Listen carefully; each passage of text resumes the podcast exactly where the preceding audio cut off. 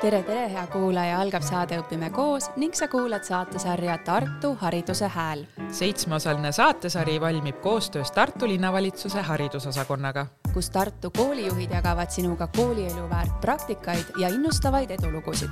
hea kuulaja, kui saade sind kõnetab, ole hariduse häälekandjaks ning jaga saadet ühe oma kolleegiga. mõnusat kuulamist soovivad hariduse häälekandjad Karin Tõevere ja Signe Salumäe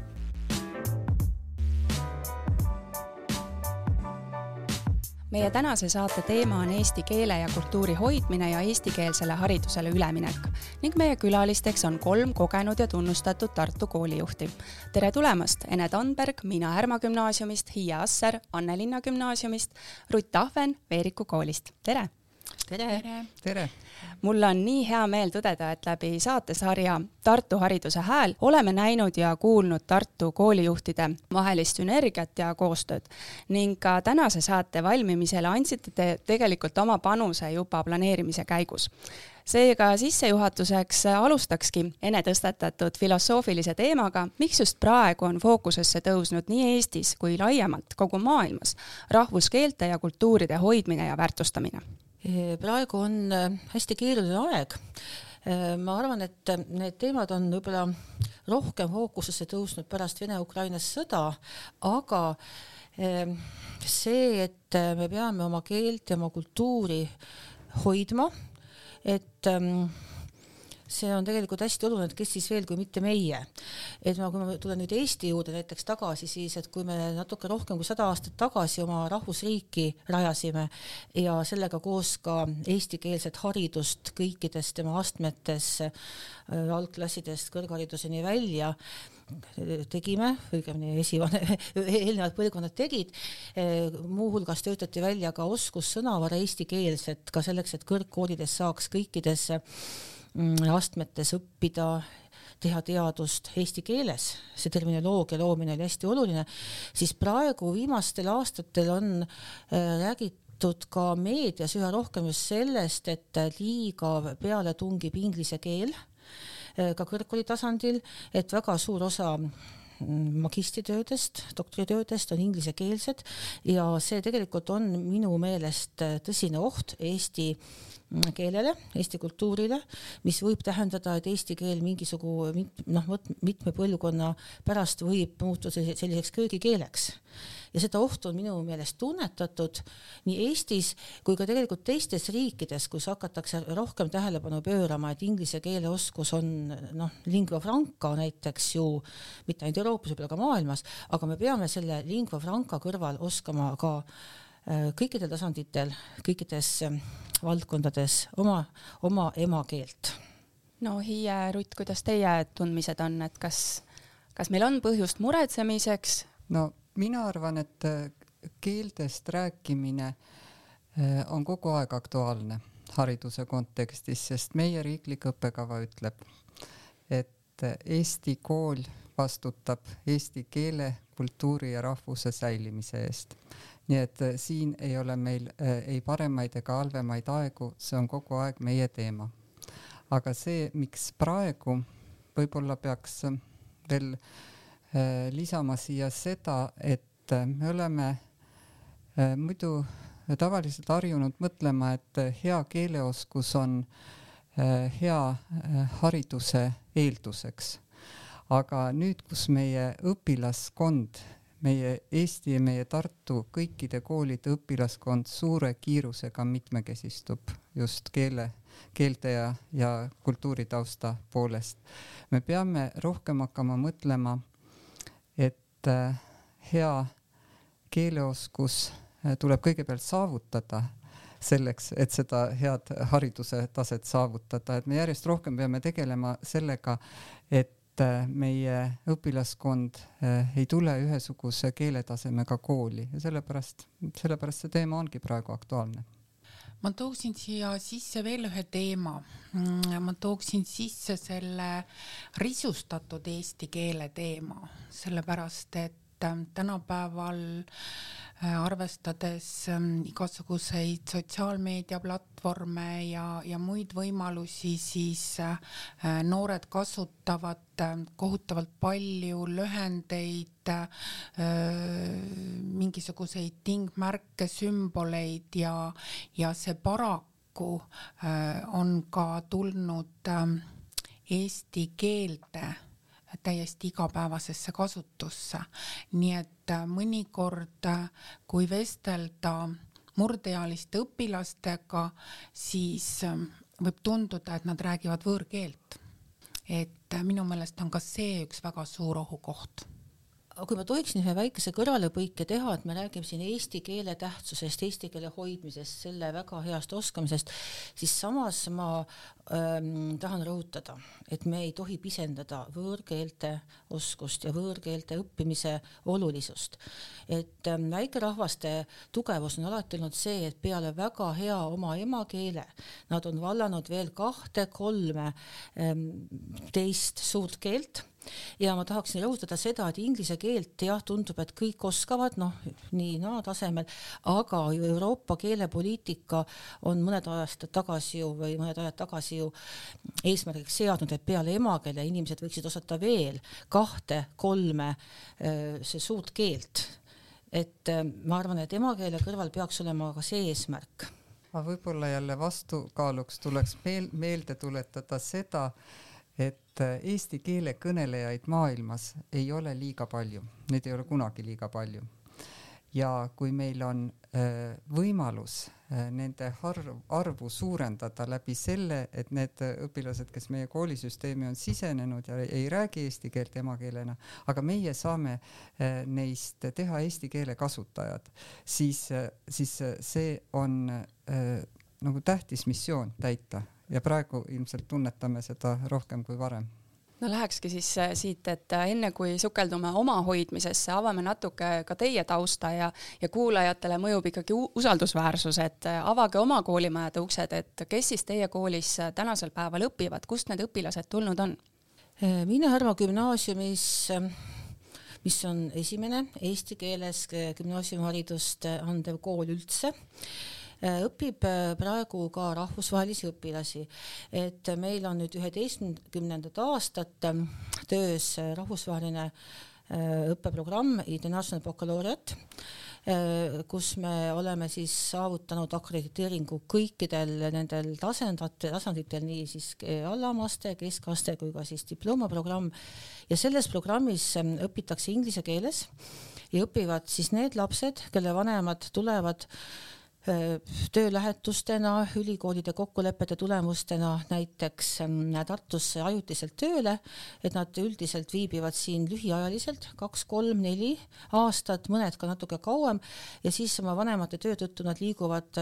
kuhugi kas järgmisesse riiki või tagasi kodumaale ja see äh, rahvusvaheline õppekava äh, loob siis järjepidevuse, et nad riigist riiki liikudes äh, ei peaks igas riigis alustama otsast peale, vaid nad saaksid jätkata sealt, kus kohas see pooleli jäi, sest see õppekava ongi levinud maailmas eeskätt just suurtes ülikoolilinnades.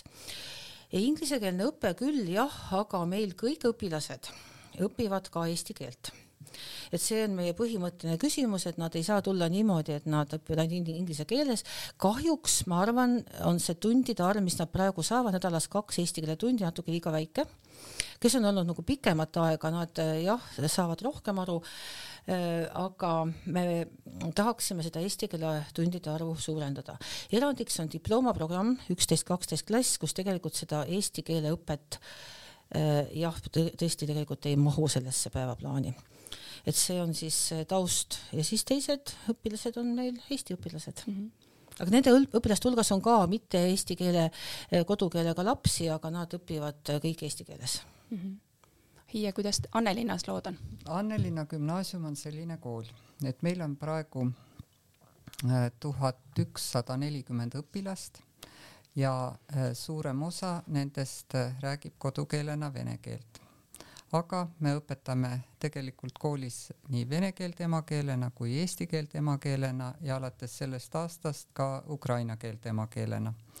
nii et äh, põhikoolis äh, õpib äh, venelasi, ukrainlasi enamasti ja õpivad nad kõik keelekümbluse metoodika järgi. See tähendab seda, et suurem osa õppetööst toimub eesti keeles.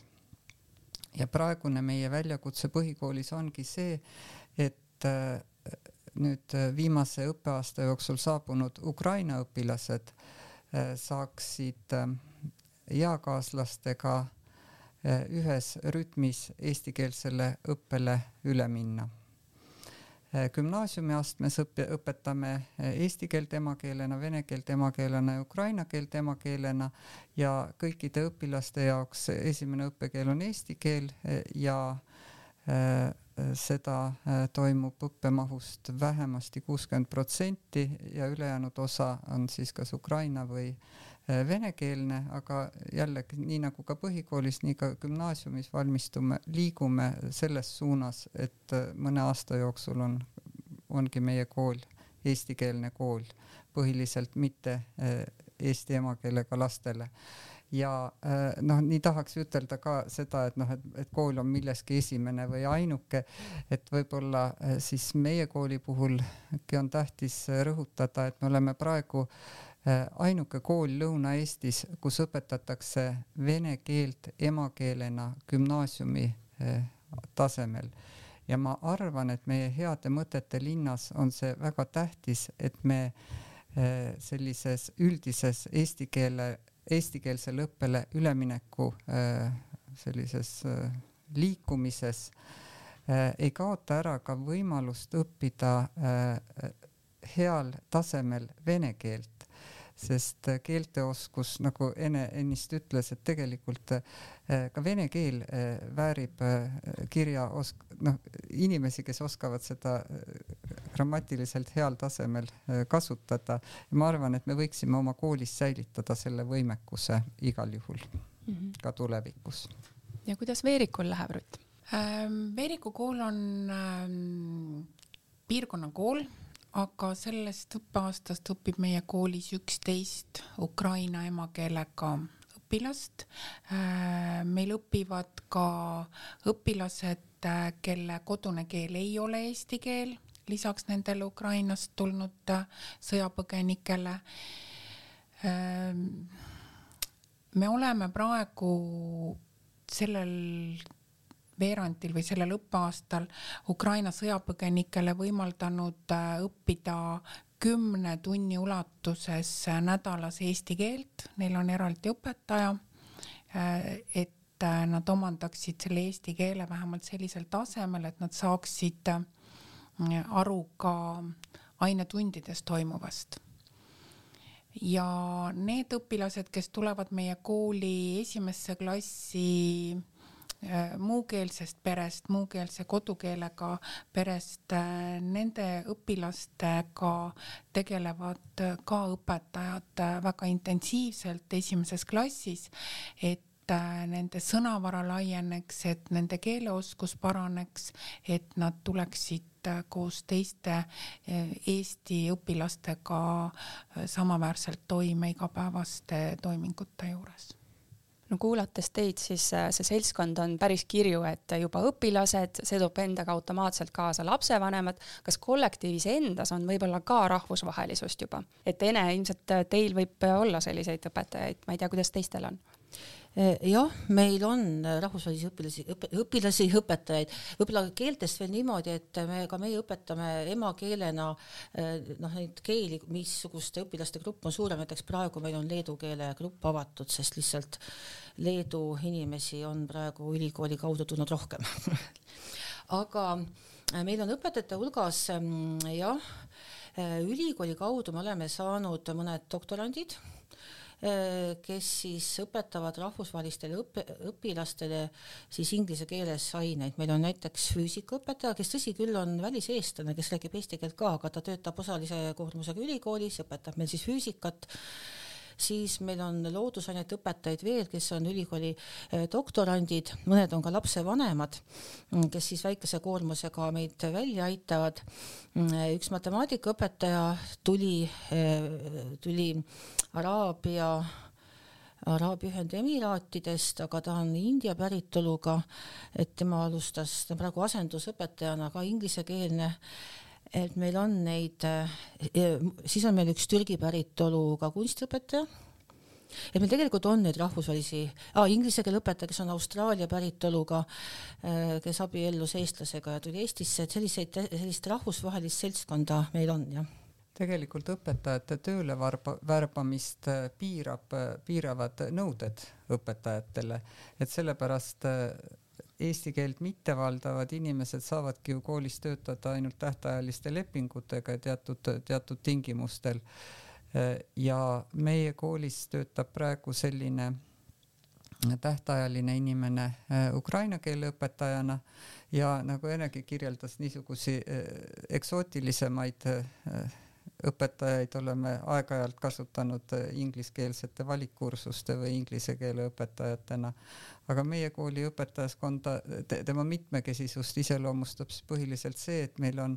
üks osa õpetajaid, kelle esimene või emakeel või kodukeel on eesti keel ja teis, teine osa õpetajaid, kelle esimene keel on vene keel. Ja äh, me oleme nii äh, ajas liikunud äh, selliselt, sellises suunas, et kui äh, veel aastakümneid tagasi nende erinevate kodukeeltega õpetajate ühisosa või ühis, ühiskeel oli vene keel, siis tänaseks me oleme saavutanud selle, et meie kollektiivi eh, ühine eh, suhtluskeel on eesti keel,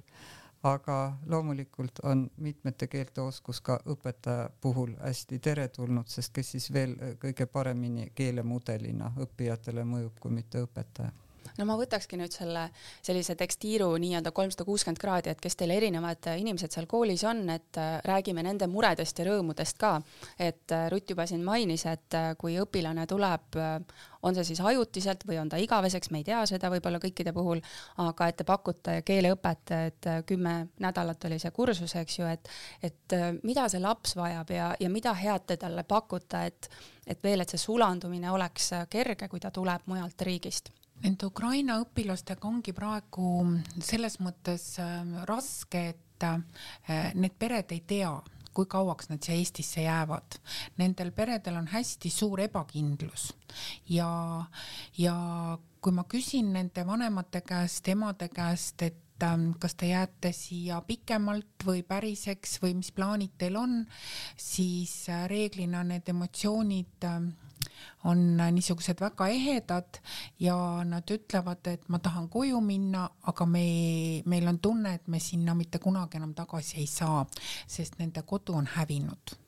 Ja, ja nad ongi nii, et nad võtavad praegu nagu päev korraga, kuu korraga, aasta korraga ja lastele on see nagu meeletult raske, sest neil puudub niisugune kindlustunne et meil koolis on praegu hästi tähtis nende, nende Ukraina laste jaoks tekitada niisugune kindlustunne ja motiveerida neid eesti keelt õppima. Kasvõi nii nagu siin eelpool kõnelejad ütlesidki, et iga keeleoskus rikastab sind tulevikus ja sa kunagi ei või seda ette teada, millal sul selle keeleoskust vaja läheb elus ja, ja need äh, nii-öelda vene peredest pärit lapsed, äh, kes meie koolis õpivad, et need on tegelikult need Ukraina sõjapõgenikud väga kenasti vastu võtnud, nad toetavad neid. ja Ukraina sõjapõgenike hulgas on meil äh, ka nii-öelda neid, kes Ukrainas on õppinud venekeelses koolis ja on neid, kes ei valda üldse vene keelt, vaid nad ongi puhtalt ainult ukrainakeelsed et äh, siin on ka veel väga suur erinevus, et äh, kõige raskem on tegelikult äh, praegu nendel, kes on puhtalt ukrainakeelsed, sest nendega suheldes puudub igasugune niisugune vahekeel, aga mulle tundub, et mõnes mõttes on see jälle nendele õpilastele kasulik, sest nad on rohkem motiveeritud õppima ära hästi ruttu eesti keele, et, et saada sellest keelest aru ja ma olen hästi tänulik meie kooli lastevanematele, kes kevadel saabunud äh, sõjapõgenikud võtsid nagu väga kenasti oma,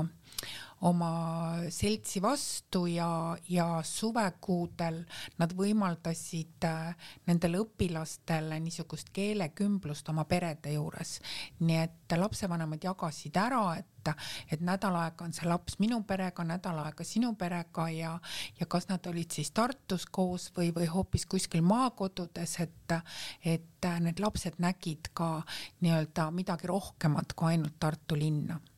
aga millist toetust ja tuge vajavad siis lapsevanemad, no Ene, sa ütlesid ka, et teil on lapsevanemad, kes on, kolivadki mingi ajaperioodi tagant, et et äh, kindlasti on öeldud see, et mida mujal on tehtud, et see sulandumine oleks kergem, mida teie rakendate, teete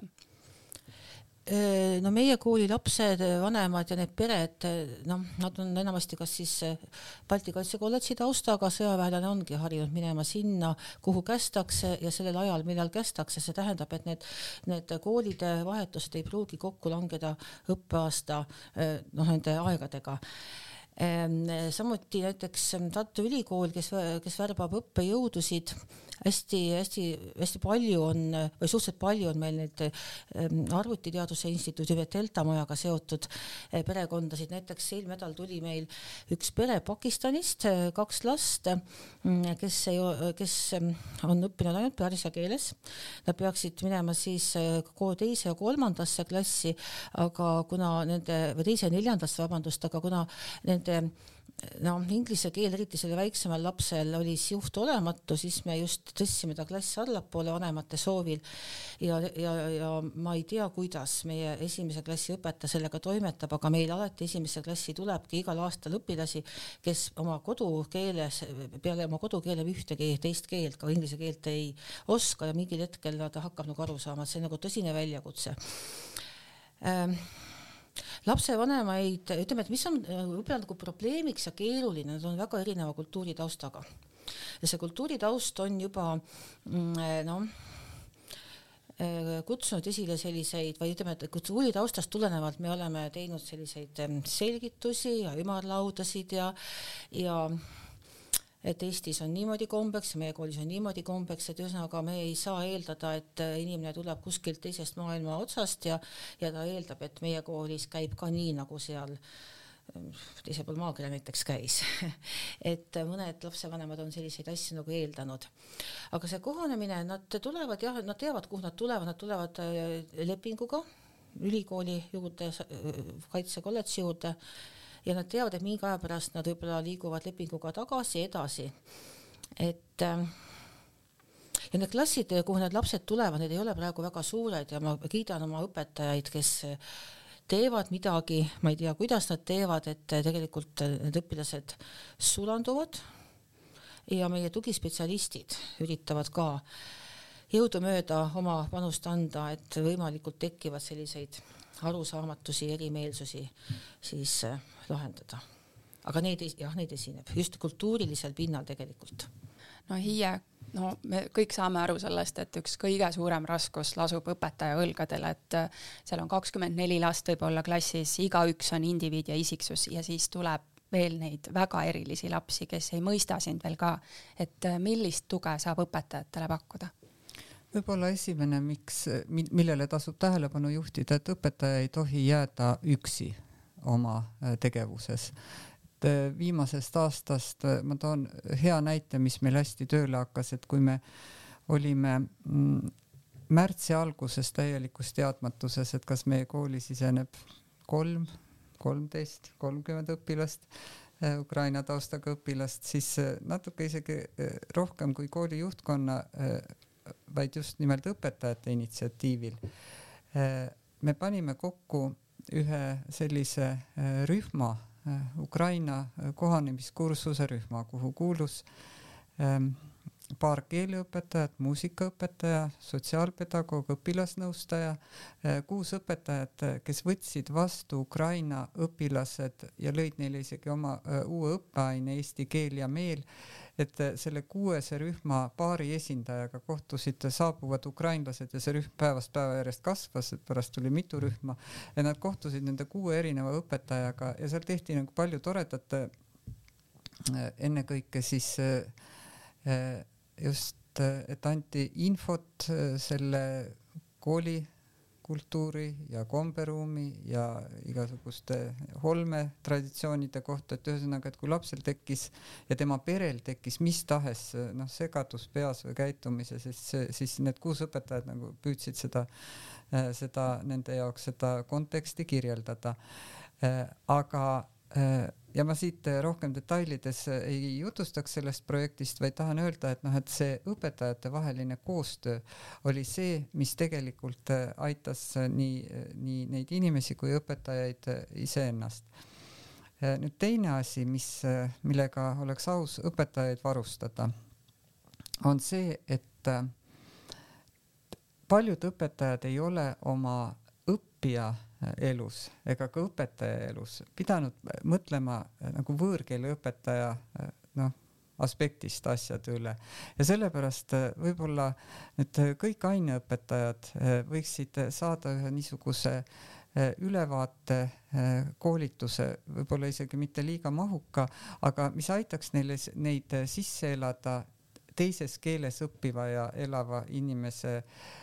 noh, edenemise ja arenemise loogikasse. et eh, olen kohanud eh, noh, sellist no niisugust paanikaeelset seisundit võib-olla mõne õpetajaga vesteldes, et et noh, et ütleme, et see vähese keeleoskusega laps on klassis ja miks ta ei äh, Eh, noh, et ometigi ma õpetan, ma teen justkui kõike individuaalselt ja grupis, aga et noh, et laps ikka ei edene. et võib-olla eh, noh, piisaks näiteks sellest, et õpetaja saaks natuke aimu, mis on vaikiv periood keeleõppes. no see on lihtsalt üks näide, et eh, õpetajad on ju noh, professionaalsed muretsejad, seda me ju teame, et kõik maailma mured ongi nende õlgadel ja siis on hea, kui neid õlgu on nagu kõrvuti mitu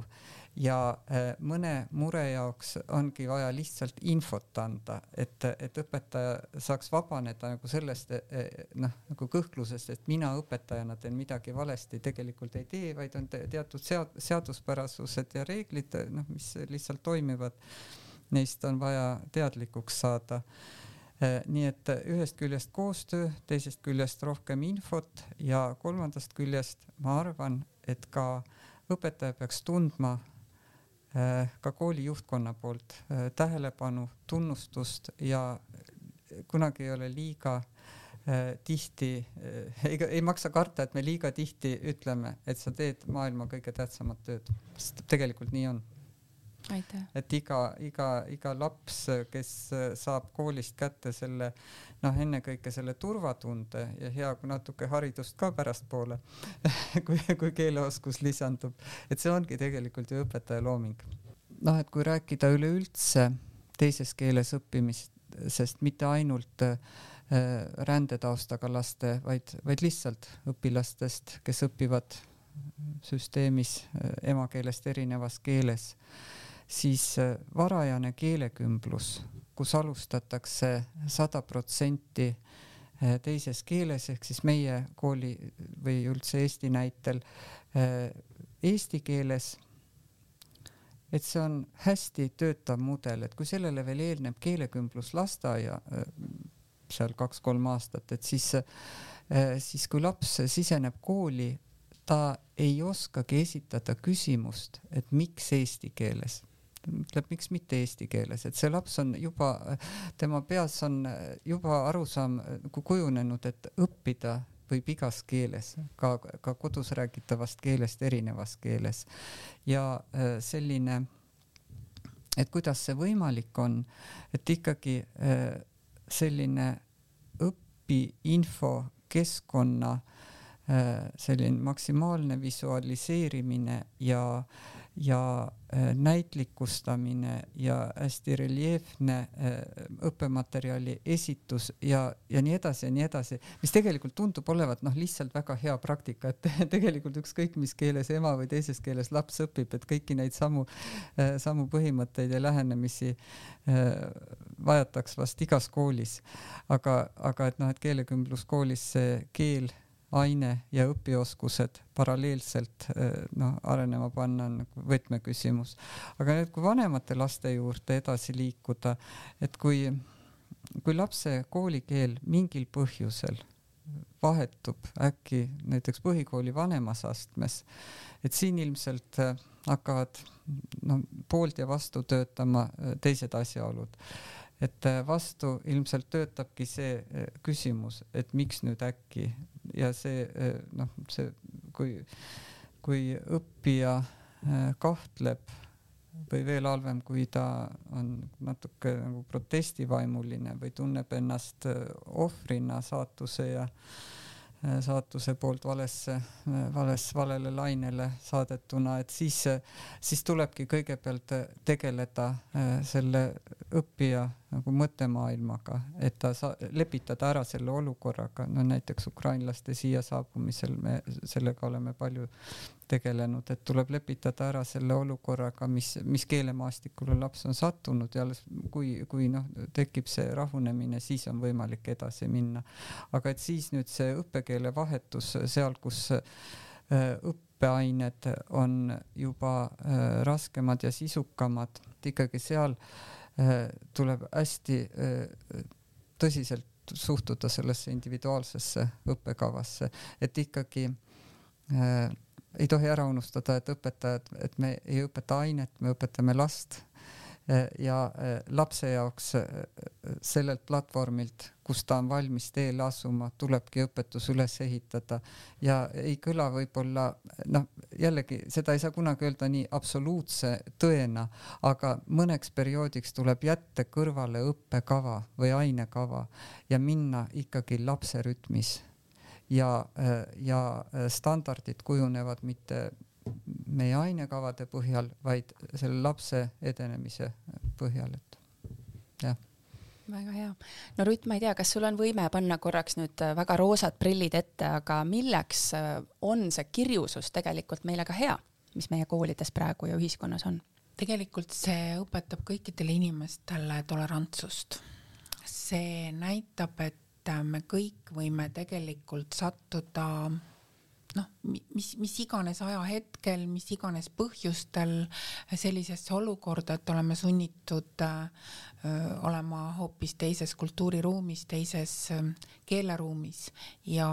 ja ma arvan, et see on praegune olukord Eesti koolis on üks väga hea õppetund meile kõikidele,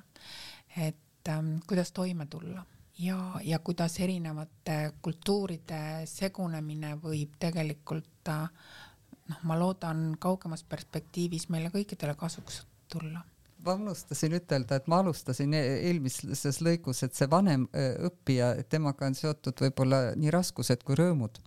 et e, see teine pool, et mm -hmm kui põhikooli vanemas astmes õpilane peaks keelt vahetama, et siis teinekord on tule, hakkavad äh, selle protsessi toetuseks tööle äh, sellised sotsiaalsed äh, protsessid, et, et laps, kellel on juba aktiivne suhtlusringkond näiteks erikeelsete laste hulgas, eesti, vene lastel, eesti laste hulgas, et, et see kooliväline või, või noh, üleüldse jah, laiem suhtlus töötab selle kasuks, et laps näeb, kuidas, kui tore on keeli osata, kui tore on eakaaslastega suhelda ja siis see hoiak kandub ka kooli ja õpet-, õppimisse üle. ja teine asi, et kui lapsel on mingis keeles juba äh, tekkinud ettekujutus keelestruktuuridest, mida algklassi lastel ei ole, aga vanemate klasside omadel juba on, et siis see teises keeles omandatud ettekujutus sellest, kuidas keel toimib üleüldiselt, ka see, äh, see teadmine kandub üle äh, näiteks eesti keele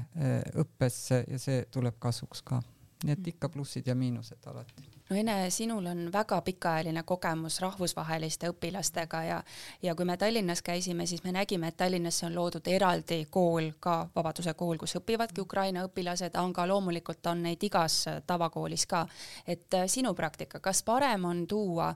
kõik erinevused kokku või hoida neid eraldi, plussid-miinused? Äh, ma arvan, et äh,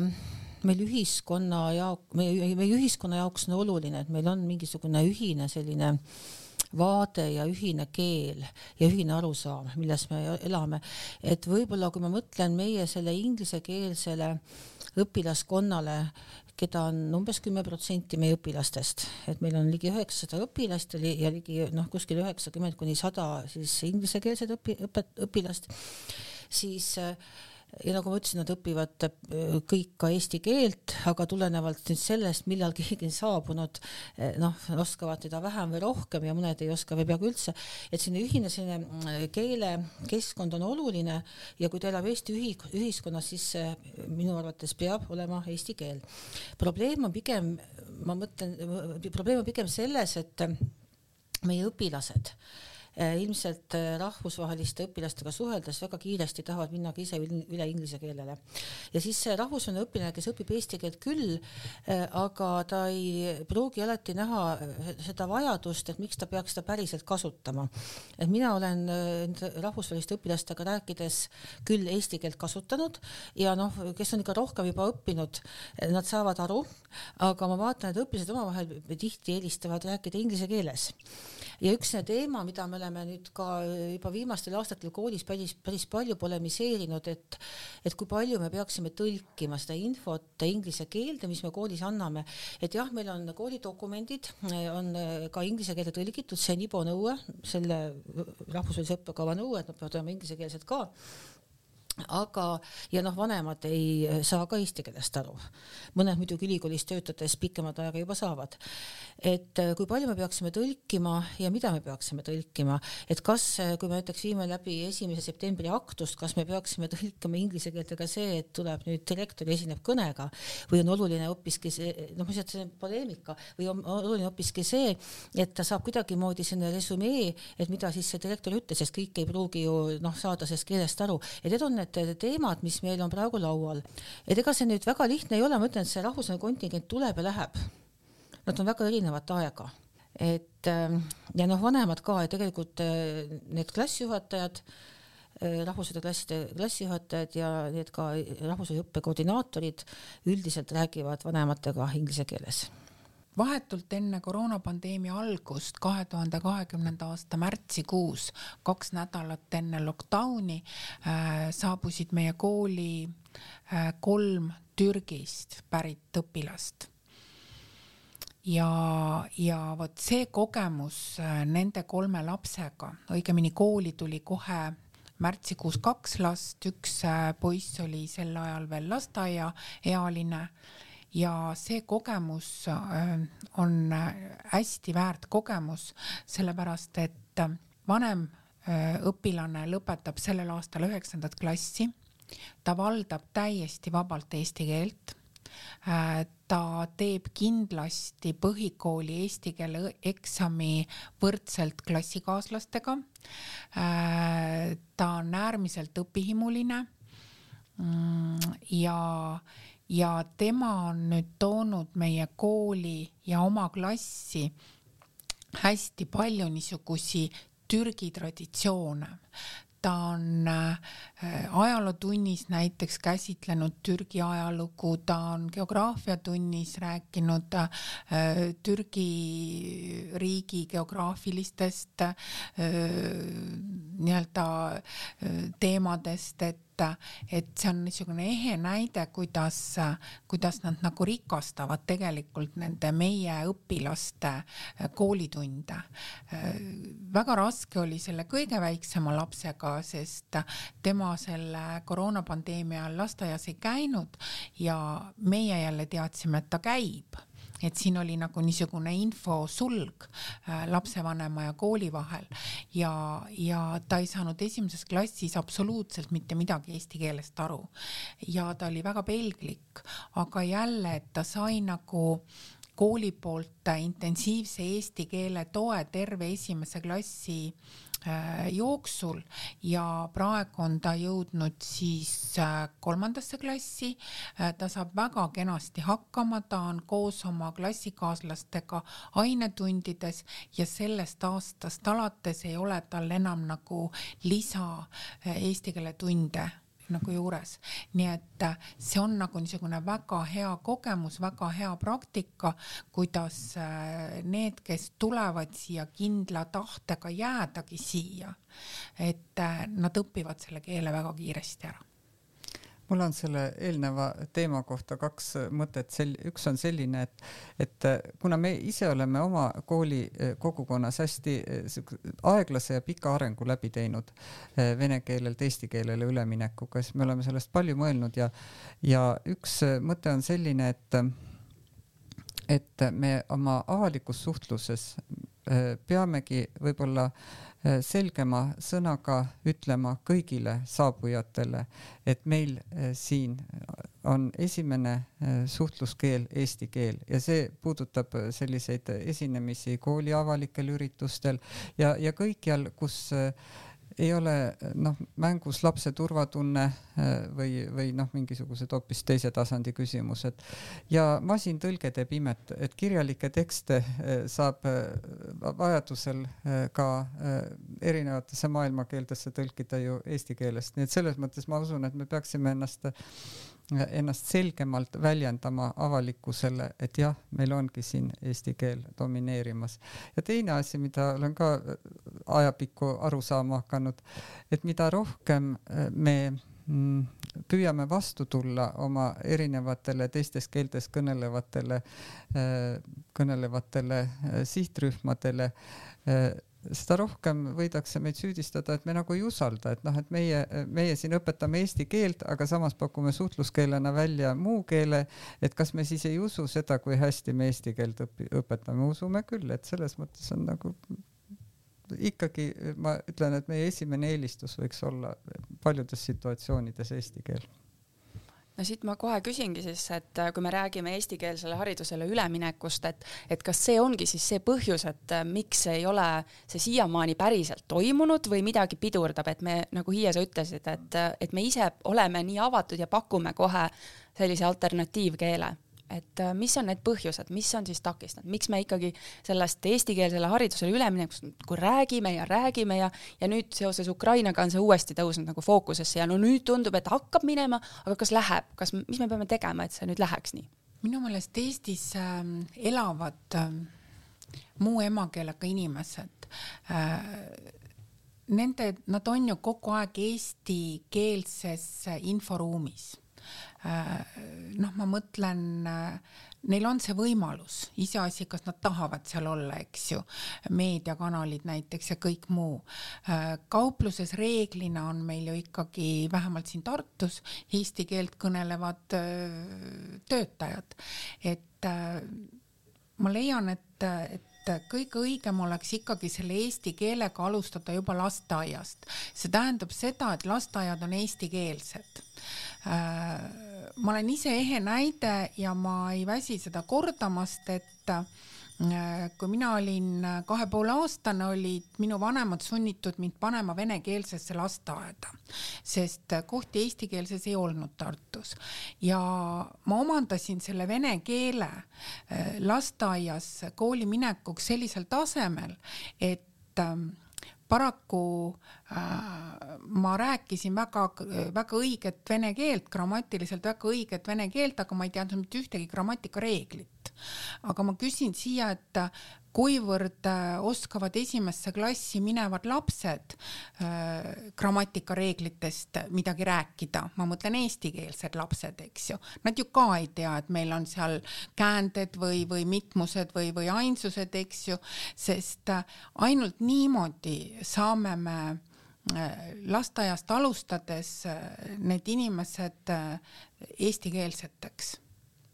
et nad ei mõtle, kui nad räägivad, et kas ma räägin õigesti või valesti, vaid, vaid nad räägivadki loomulikult. Ja küll nad siis koolis hakkavad õppima ka neid reegleid ja, ja, ja, ja keele niisugusi seaduspärasusi, aga, aga nad on omandanud selle, selle eesti keele. Ja minu meelest seda ei tasu karta, et et need väiksed lapsed tunnevad ennast äh, eestikeelses lasteaias halvasti, pigem võib-olla tunnevad ennast natuke ebamugavalt need muukeelsete laste vanemad sest nende eesti keele oskus ei ole võib-olla alati nii hea, kui see võiks olla. aga tänu lastele õpivad ka nemad kindlasti. no ma olen kindel, et Hiie, sul on ka siin oma visioon ja noh, meeletu kogemus tegelikult tegelikult ma olen Rutiga nõus, et esiteks ma toonitaks sedasama, et kui asju tehakse õiges järjekorras, et siis nad kalduvad õnnestuma paremini, et võib-olla varasemad sellised katsed koolikeelt muuta on olnud, aga on alus, al, aluse saan-, alguse saanud valest otsast.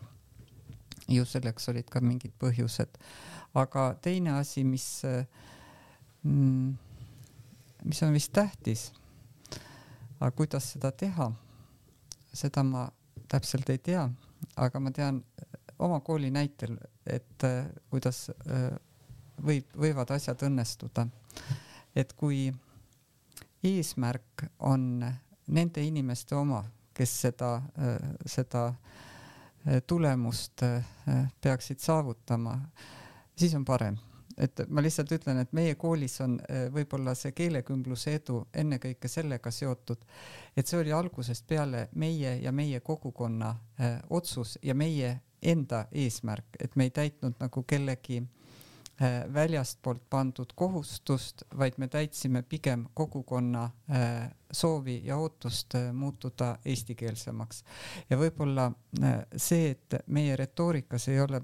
kakskümmend aastat olnud äh, sellist, äh, seal ei ole domineerinud see, et meie eesmärk on vahetada õppekeelt, vaid pigem see, et meie eesmärk on, et meie kooli lõpetajad oleksid kakskeelsed, nende haridustee oleks avatud äh, keelteoskuse vaatevinklist. et võib-olla nagu laiemas pildis ongi nagu raskused olnud sellega seotud, et eesmärk on olnud kogu aeg nagu kellegi teise oma, mitte kogukonna enda oma ma lisaksin võib-olla ühe mõtte, et noh, Härma kooli see rahvusvaheline seltskond, nemad on natuke nagu teistsuguses positsioonis, kui me räägime siin teiste koolide äh, mitte eestikeelsetest õpilastest, sest need õpilased, kes meie koolis õpivad ja kes on see sihtrühm, keda me vastu saame võtta, me ei võta kõiki inglisekeelseid üldse vastu, on need, kelle vanemad on siin ajutiselt. ja nende eesmärk on, et nad edeneksid akadeemiliselt oma õpingutes, et nad ei peaks järgmises riigis kahe-kolme, võib-olla nelja aasta pärast uuesti alustama nullist uue õppekeelega, nad saaksid edasi minna, sest kui nad igas riigis peaksid hakkama adapteeruma, nad ei jõuaks mitte kunagi võib-olla gümnaasiumi lõputunnistuseni. et see on see eesmärk, mm, miks on see inglisekeelne õpe ja, ja teine teine asi, see, teine eesmärk on see, et nad ikkagi on siin Eesti ühiskonnas, nad on meie kooli kogukonnas, nad peavad äh, aru saama, kus nad on,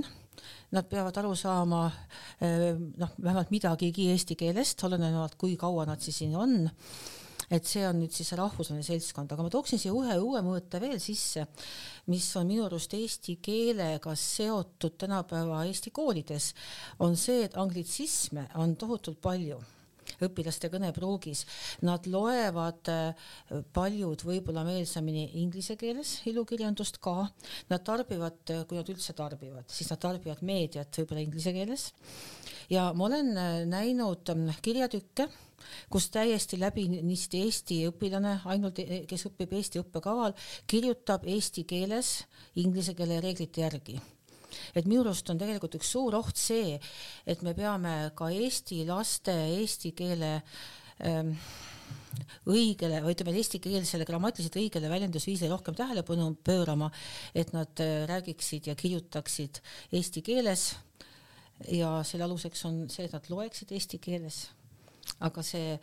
inglise keele pealetung selles mõttes on ka eesti keele õpetajate arvates üha, üha suurenev probleem tegelikult mäletate, kui me kvaliteedikokkuleppes seda keelte eh, ja eesti keele eh, toetamise punkti arutasime, et meil oli tegelikult päris palju eh, sellest juttu, mida Ene praegu rääkis. ma toon ühe näite, mida me selle kvaliteedikokkuleppe mõjul oma koolis sisse viisime et me üldiselt liigume selles suunas, et eesti keeles koostatud gümnaasiumi uurimistöö ja põhikooli loovtöö on noh, meie jaoks nagu väga soovitud suund või teretulnud, et noh, et me lapsed esimese keelena valivad meelsamini kas vene keele või ka inglise keele mõnel juhul, aga et me hästi nagu äh, suuname neid selles suunas, et nad valiksid eesti keele. ja siis mõtlesime, et äh, ikkagi asju tuleb teha äh, nii vara kui võimalik ja meil on koolis traditsioon kolmandas klassis teha esimene uurimisloovtöö selline katsetus ja nüüd meil kolmanda klassi lapsed teevadki seda eesti keeles ja siis me loodame, et ja siis järgmises kooliastmes nad teevad seda juba, juba spontaanselt eesti keeles, et me saame koolis teha niisuguseid teatud piiranguid või nõudeid, mis kaudselt vot võib-olla aitavad lahendada seda probleemi, mida Ene kirjeldas. meie Signega rändasime ka erinevates Euroopa riikides äh, ringi ja käisime Eesti koolides nii äh, Pariisis, äh, Londonis, Hollandis. Ja tegelikult eestlased üle maailma väärtustavad eesti keelt ja kultuuri ja see tahe toimetada ühiselt, tulla kokku, anda oma keelt ikkagi edasi, et tooge neid häid näiteid ikkagi ja lõpetame sellise positiivsema tooniga, et, et mida me siis teeme selleks, et, et need ilusad laused säiliksid, et need head raamatud saaks loetud, mida me peame tegema ja, ja mida me teeme? Äh, meil Veeriku koolis on näiteks äh, esimeses kooliastmes äh, loodud raamatuklubi, kus õpetajad, klassiõpetajad kutsuvad siis õpilasi lugema ja nad teevad koostööd ka Hea Lapse toimetusega. just järgmisel nädalal tuleb ka Hea Lapse toimetaja meie kooli, õpilased teevad kaastöid sellele ajakirjale, sest kui nad maast madalast õpivad juba äh, teksti looma ja oma mõtteid väljendama ja, ja kirjutama õigesti, äh, siis, äh, siis noh, me vähemalt loodame, et see läheb nagu, nagu edasi järgmises kooliastmes. selleks, et õpilased teaksid ka, mis toimub Eestis ja maailmas ja, ja, ja, ja loeksid ka ajakirjandust, siis äh, meil on juba aastaid äh, koolis teisele-kolmandale kooliastmele näiteks Postimehe viktoriinid. Äh, üks kord kuus kogu selle kuu Postimehes ilmunud artiklite põhjal on siis viktoriin ja, ja, ja iga klass siis saab panna välja oma võistkonnad Eesti kultuuri kandmiseks on meil koolis ähm, nii mudilaskoor kui lastekoor kui poistekoor, meil on väga palju, väga mitu rahvatantsurühma. Ähm, me nagu väärtustame ka seda Eesti kultuuri. Äh, meil on äh, kooliraamatukogu, mille, mille riiuleid me püüame igal aastal täiendada, sest äh, kui koolis on raamatukogu, kust õpilane saab kohe vajalikud äh, raamatud äh, ja, ja, ja nendel teemadel raamatud, mis teda kõnetavad, siis, siis on äh, neid lapsi lihtsam ka lugema meelitada. meie raamatukogu hoidja annab igal kevadel välja äh, iga kooliastme mm, usinama lugeja auhinna, et nii, nii õpetajale kui ka õpilastele, et et äh, õpetajad on samuti eeskujuks äh, õpilastele, et ma arvan, et äh, kõige sellega me peaksimegi nagu, nagu õpetajatena, kooli inimestena olema oma õpilastele eeskujuks. meie eesti keele õpetajad lõid kooli fuajeesse ka niisuguse raamaturiiuli, kuhu nad palusid siis kõikidel õpetajatel mm, tuua enda loetud raamatu kohta nagu väikese tutvustuse ja see oli stendide peal, et õpilased näeksid, et ka, ka õpetajad loevad ilukirjanduslikke teoseid, et äh, me peaksime nagu rohkem näitama ikkagi õpilastele seda, et et õpetajad ka äh, väärtustavad seda eesti keelt, eesti kultuuri ja, ja looma koolis õpilastele võimalused äh, tegeleda mulle väga see Ruti viimane mõttekäik meeldis, et oleksin isegi samal teemal äh, alustanud või jätkan siis, et ma ei, ma usun ka, et õpetaja on hästi võimas eeskuju ja mudel ja sellepärast võib-olla veel lisaks see, et et me peaksime olema õpetajatena omaenda keelekasutuse suhtes korrektsed ja nõudlikud ma usun, et suurem osa meist ka on, aga me võiksime sellele ka rohkem tähelepanu juhtida. ja teine asi, mida lisaksin, on see, et võib-olla, võib-olla tasub mõelda, kuidas sellist Eesti kultuuri ja Eesti traditsioonide äh, järjepidevust või, või edasikanduvust äh, teha nii, et, et me peaksime tegema asju koolis, mis on õpilastele eakohaselt põnevad või huvitavad Eh, kohe reljeefselt ja massiivselt, eh, võib-olla lõbusalt ja naljakalt võiks tähistada Eesti kultuuri jaoks tähtsaid tähtpäevi. ma toon ühe näite, et eh, näiteks ühel aastal me, meie koolis ongi selline traditsioon, et vabariigi aastapäeva aktusi me teeme kuskil linnaruumis ja sellel aastal, kui me läksime päikesetõusu ajaks Toome varemetesse ja pidasime oma aktuse gümnaasiumile seal, ma olen täiesti kindel, et see on noh, meeldejäävam Äh, ja see seostub vabariigi aastapäevaga nende õpilaste jaoks äh, kui äh, tore aktus koolisaalis. et, et eakohasus ja põnevus õpilasüritustes võib-olla tuleks meie eesmärgile kasuks. Iga õpetaja on ka keeleõpetaja, see on meie kooli keelepoliitika üks põhiline selline läbiv joon ja me mõtleme siin eeskõige, eelkõige just ähm, eesti keele õpetajad, et kui näiteks ka matemaatikaõpetaja näeb, et äh, õpilane oma äh, vastustes on kasutanud eesti keelt valesti, siis ta juhib äh, õigele keelekasutusele tähelepanu. noh, kas see alati nii toimib, ideaalile alati noh, ju ruumi liikuda ideaalini, aga see on selline põhimõte, et mitte ainult eesti keele õpetajad, siis meie eesti keele õpetajad on äh, väga entusiastlikult ikkagi õpilasi suunamas, lugema. Ja ma arvan, et kui ma enne ütlesin, et see pilt võib kohati olla niimoodi, et on see anglitsism tungib peale, siis see tegelikult ei ole õnneks veel väga massiline, et need on pigem sellised sellised äh, esimesed ohumärgid oh,. ohumärgid on olemas ja me peame tegelema sellega, aga ma, aga see ei tähendaks, et kõik niimoodi teevad. ma arvan, et on hästi tähtis, et Tartu koolides, kõikides koolides on olemas raamatukogud et Rutt, sa rääkisid siin ka kooli raamatukogust ja, ja hästi tähtis on ka, et me saame sinna ikka aeg-ajalt osta ka õpilastele sobilikke raamatuid juurde, et kui raamatukogus on olemas ja veel parem, kui seal on ka väga selline äh, noh, sisuliselt hea raamatukogu juhataja, kes suunab lugema, siis see on juba ka väga hea märk edasi mm, eesti keelega tegelemiseks. ja mis puudutab siis seda Eesti kultuuri ja rahvuskultuuri, siis ma olen eh, Hiiega täiesti nõus, et väga olulised on kõik sellised Eesti riigi tähtpäevad ähm, koolitähtpäevad, nende selle tähistamise traditsioonid, kuidas seda tehakse, et ollakse pidulikult äh,, ei ole selline noh, et teeme kuidagi ära, vaid tehakse nagu päriselt. Meil on ju Tartu koolides ka ühisüritusi, äh, Tartu rahu aastapäev, Eesti lipu aastapäev, kus me rõhutame siis Eesti riigi jaoks olulisi sündmusi. ja noh, loomulikult see, mis sa ka Rutt ütlesid, äh, laulukoorid, rahvatantsurühmad, need on need, mis tõsiselt liidavad ja kahjuks äh, pandeemia aastad on siin ilmselt nüüd väikse vahe sisse teinud, aga kui ma näen praegu, kui entusiastlikult näiteks meie kooli rahvatantsurühmad ja koorid valmistuvad nüüd suvel laulu- ja tantsupeoks, siis see on selline sündmus, mis nagu, nagu päriselt liidab. Ja tegelikult on hästi tore ju see, et meie laulukoorides laulab ka inglisekeelseid õpilasi et nad lähevad, õpivad need laulud ära ja siis ongi nii äh, vahva vaadata, kuidas hoopiski teise,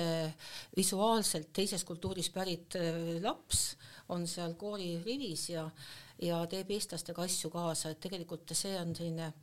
ühine noh, hingamine ja ühine kultuur, mis tegelikult liidab nii koolikultuur, nii kooliõpilasi kui ka ühiskonda tervikuna, ma arvan, et sellised asjad on meile hästi olulised aga head koolijuhid, meil on siin äh, linnavalitsuse toel soetatud äh, raamatud ja olge head, sirvige, vaadake neid veidi ja teil on võimalus üks endale võtta. Üks raamat päriselt kingituseks. Ja võib-olla sünnib siit ka koolijuhtide oma väike raamatukogu, sest äh, läbi saatesarja saavad ju kõik koolijuhid endale raamatud ja, ja siis saate need nii, nii-öelda ka ringlusesse lasta ja omavahel mõtteid vahetada võib-olla midagi olete juba lugenud, kas mõni raamat paistab ka tuttav võib-olla, et äh, saab kohe midagi kõrvale panna, et nii, see on juba läbi töötatud, studeeritud. see on nüüd kõige raskem pähkel, eks ju, saate no nii, aga alustame siis. Rutt on leidnud raamatu, mis sa valisid ja miks? Äh, ma valisin äh, raamatu Ülesvoolu kuidas lahendada probleeme enne nende tekkimist. Äh, noh, probleeme on meil igapäevaselt meeletult palju, eks ju, ja nii tore on, kui, kui enne lauale jõudmist neid probleeme, osad nendest kao-, kaoksid ära, eks ju. ja siin resümees taga on kirjutatud ka, et see on suurepärane raamat muutuste juhtimisest ja kuna me koolis praegu käib niimoodi äärmiselt suured muutused, me oleme muutuste teel, siis ma arvan, et ma olen küll, küll lugenud päris mitut muutuste juhtimise äh, alast ähm, raamatut, aga, aga küll küllale liiga ei tee, et see, see on nagu see põhjus, miks ma selle valisin. Nonii Veeriku ennetab kõik probleemid enne ja. nende tekkimist, väga hea. loodetavasti. loodetavasti. Hiie on ka leidnud. ma tegelikult arvan, et meie laual olid kõik väga väärtuslikud raamatud. absoluutselt. ja kui see, mis mul praegu siin kätte jäi, julge juhtimine eh, jäi, siis ilmselt sellepärast, et ma tegelikult usun, et võib palju asju täiesti õpiku tarkuse järgi õigesti teha. aga kui julgust ei ole, siis tihtipeale ei tule midagi, et ma, ma ei tea, mis selle pealkirja taga on, aga ma usun, et julgus on väga tähtis märksõna juhtimise juures. Ma val, valisin tegelikult kahe raamatu vahel need kaks raamatut. Ja miks ma need valisin, et ma vaatasin, kes on siia raamatule nagu taha soovitust kirjutanud, et üks on siis Raimo Ülavere Äh, ja teine Peep Aaviksoo, mõlemad on nad coach'id. Äh, mõlemat inimest ma tegelikult äh, hindan, nende arvamust, aga ma jään selle, selle eda-, tagasisidest edasisideni selle raamatu juurde, kus siis Peep Aaviksoo on seda ka soovitanud, et, et ma olen selle selle coach imise ja mentori teemadega natuke kokku puutunud ja ma arvan, et äh, kui sellised kogenud selle valdkonna inimesed soovitavad, siis see ei saa halb ja mittevajalik mulle olla mm. -hmm no suurepärane, väga hea. ja no need raamatud loodetavasti lähevad siis ringlusesse ja saate üksteisega studeerida ja jagada mõtteid. aga ja me panime laua peale teile ka kleepsud, et äh, Õpime koos on ka üks võimalus, kus tegelikult äh, kuulata erinevaid saateid. Äh, kõik ei ole võib-olla sinu jaoks, aga sa kindlasti leiad oma või oskad soovitada kolleegile, et kuula seda, et äkki saad sealt mõne mõtte, et see on ka üks õppimise kanal tegelikult, mida on võimalik kasutada.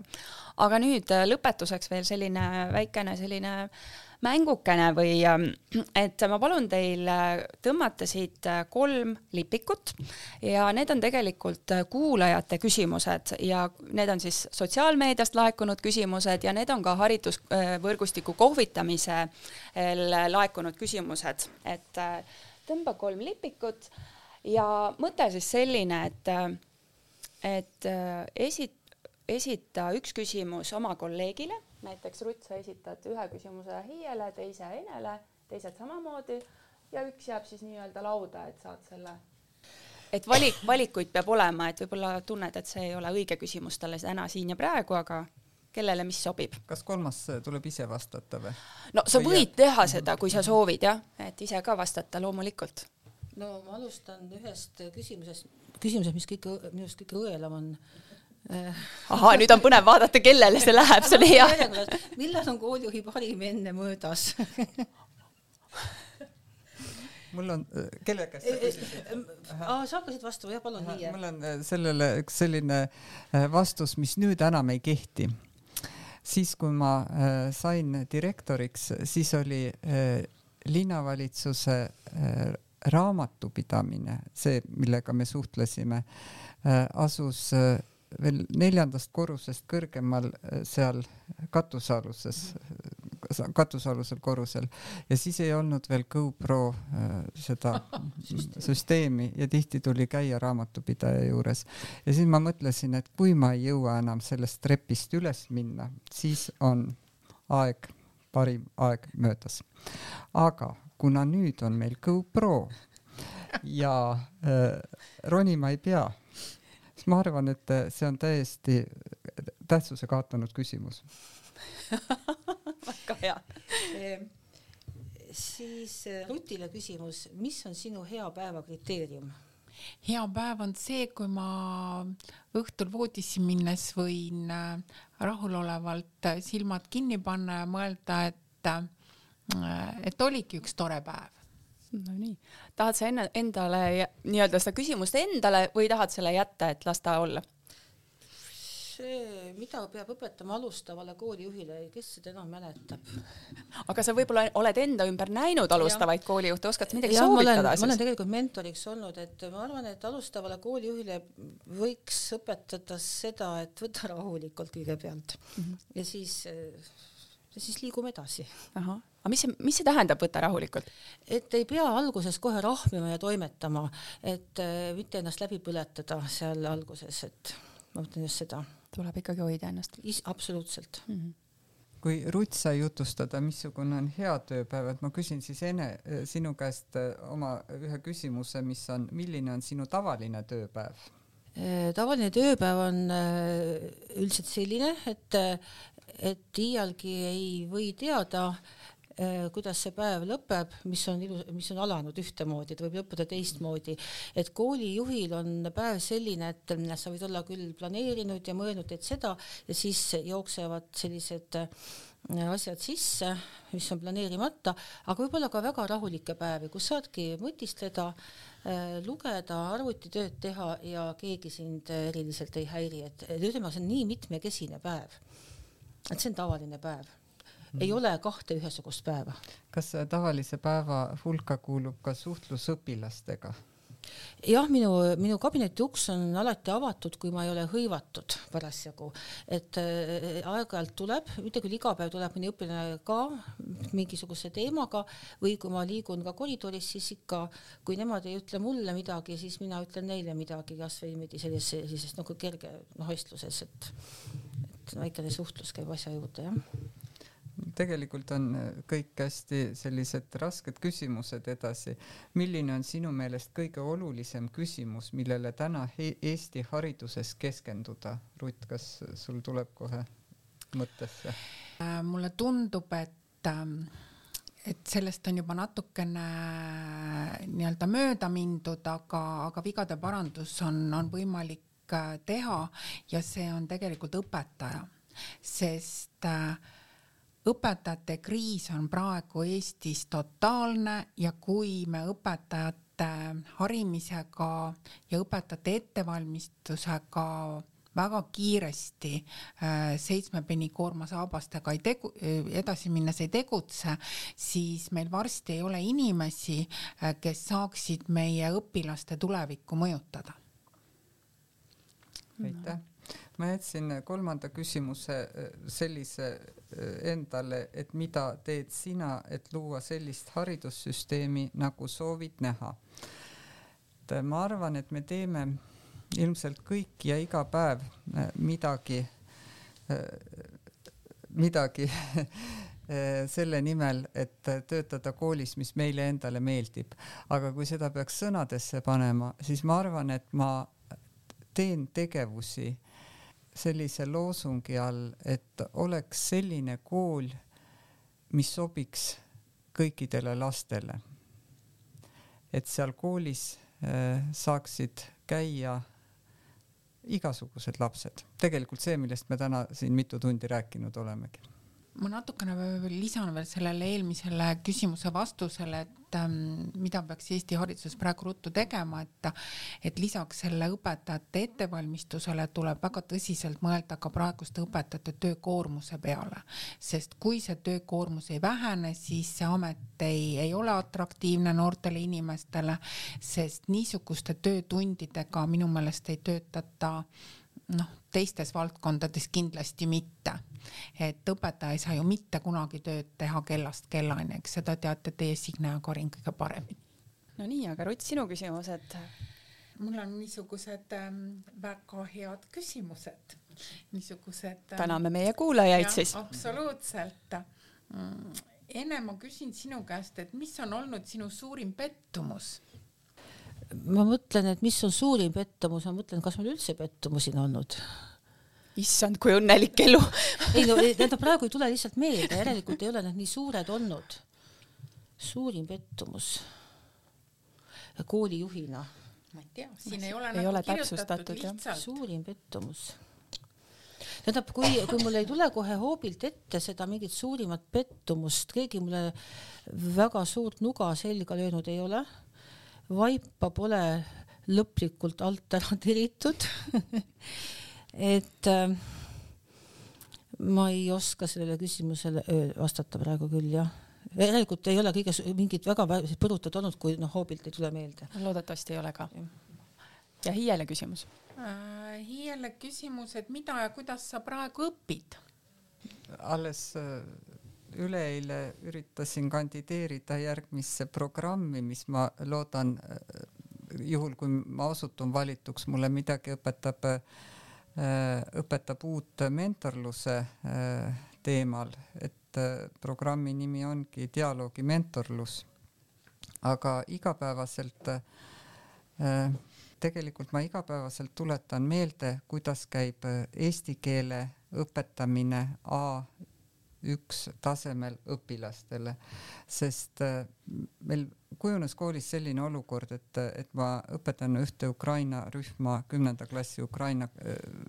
Ukraina rühma